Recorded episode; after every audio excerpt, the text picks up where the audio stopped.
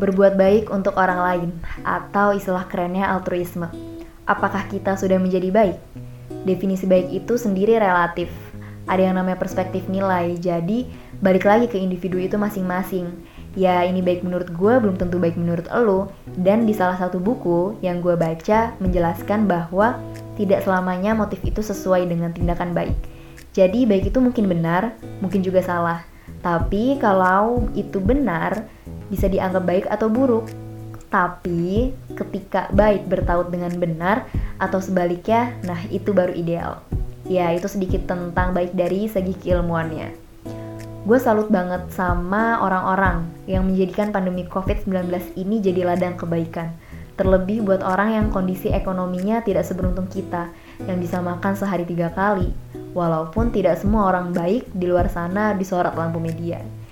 Hal ini jadi buat gue inget sama kejadian beberapa waktu lalu. Jadi ada beberapa pernyataan yang sempat dilontarkan ke gue tentang menjadi orang baik.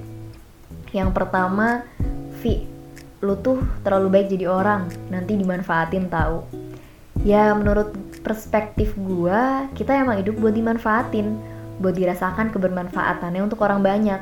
Dan orang yang paling dicintai Allah adalah orang yang paling bermanfaat untuk orang lain, bukan yang paling bermanfaat untuk diri sendiri. Ya, karena gak selamanya hidup ini tentang gua, gua, dan gua. Ada juga yang pernah bilang, Vi, kita juga harus peduli sama diri sendiri daripada sama orang lain. Iya, peduli sama diri sendiri itu perlu, tapi ketika kita peduli kepada orang lain, ya kita juga jadi belajar banyak hal tentang kehidupan. Dan itu buat kita lagi ujungnya. Dan percaya kalau banyak jalan buat sukses.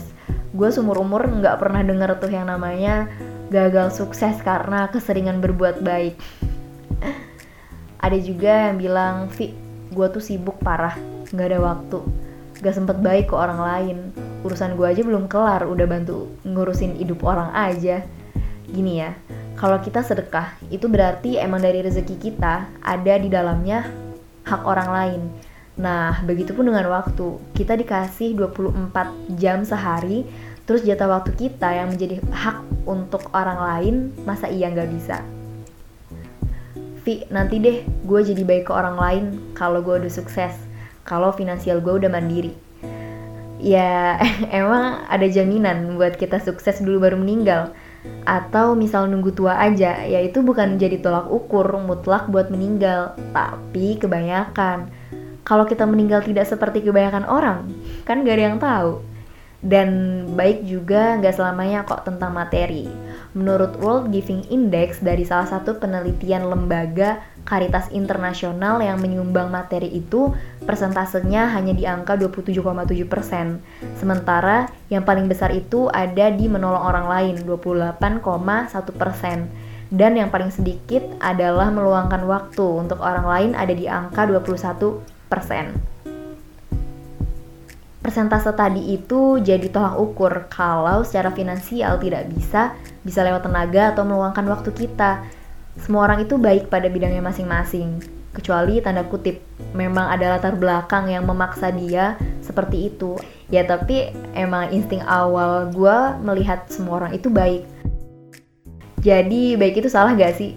Ya tidak salah, tapi ya ada ilmunya juga dan baik itu gak selamanya enak. Pasti di antara kita pernah merasakan hal yang sama. Di komen lah, atau dibilang ria lah. atau ketika kita sudah di labeling jelek, terus berbuat baik, eh malah dapetnya sindiran. Ya tapi hal itu jangan sampai mendistraksi kita untuk berbuat baik. Balik lagi ke tujuan awalnya, kita ini baik buat dilihat orang, apa karena emang kewajiban kita sebagai manusia dan perlunya niat di awal buat jadi pegangan kalau amit-amitnya kita melenceng dari tujuan awal.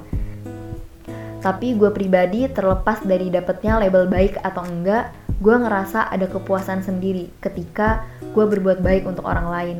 Meskipun kadang gue mengorbankan diri gue sendiri, entah itu secara fisik atau sampai perasaan. Tapi secara jiwa gue puas gitu, bukan material.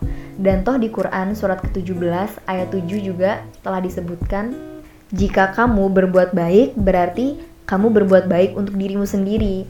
Ya, intinya kalau kita baik ke orang lain itu aslinya kita lagi baik ke diri kita sendiri dan benefitnya juga ya balik lagi ke diri kita. Walaupun dampaknya nggak harus real setelah kita berlaku baik, terus ada yang turun gitu ya dari langit. Dan gak ada kebaikan yang sia-sia, walaupun kebaikan itu kecil. Justru, hal-hal kecil yang dianggap sepele untuk saat ini bisa jadi sangat berpengaruh di kehidupan kita ke depannya, ya kan siapa tahu. Ya, karena menolong satu orang mungkin tidak akan mengubah seluruh dunia, tapi itu bisa mengubah dunia untuk satu orang. Dan kebaikan itu bukan ditunggu, tapi kebaikan itu harus dicari. Mana ya yang bisa jadi ladang kebaikan untuk gua?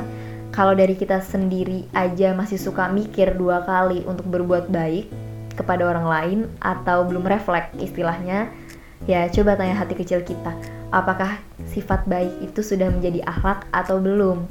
Setiap hari sebelum kita tidur, kita nanya deh pada diri sendiri, apakah gue sudah berbuat baik untuk orang lain hari ini? Di akhir kata, jangan lupa untuk berbuat baik ya. Sampai jumpa di perspektif Vivi Anik selanjutnya. See you!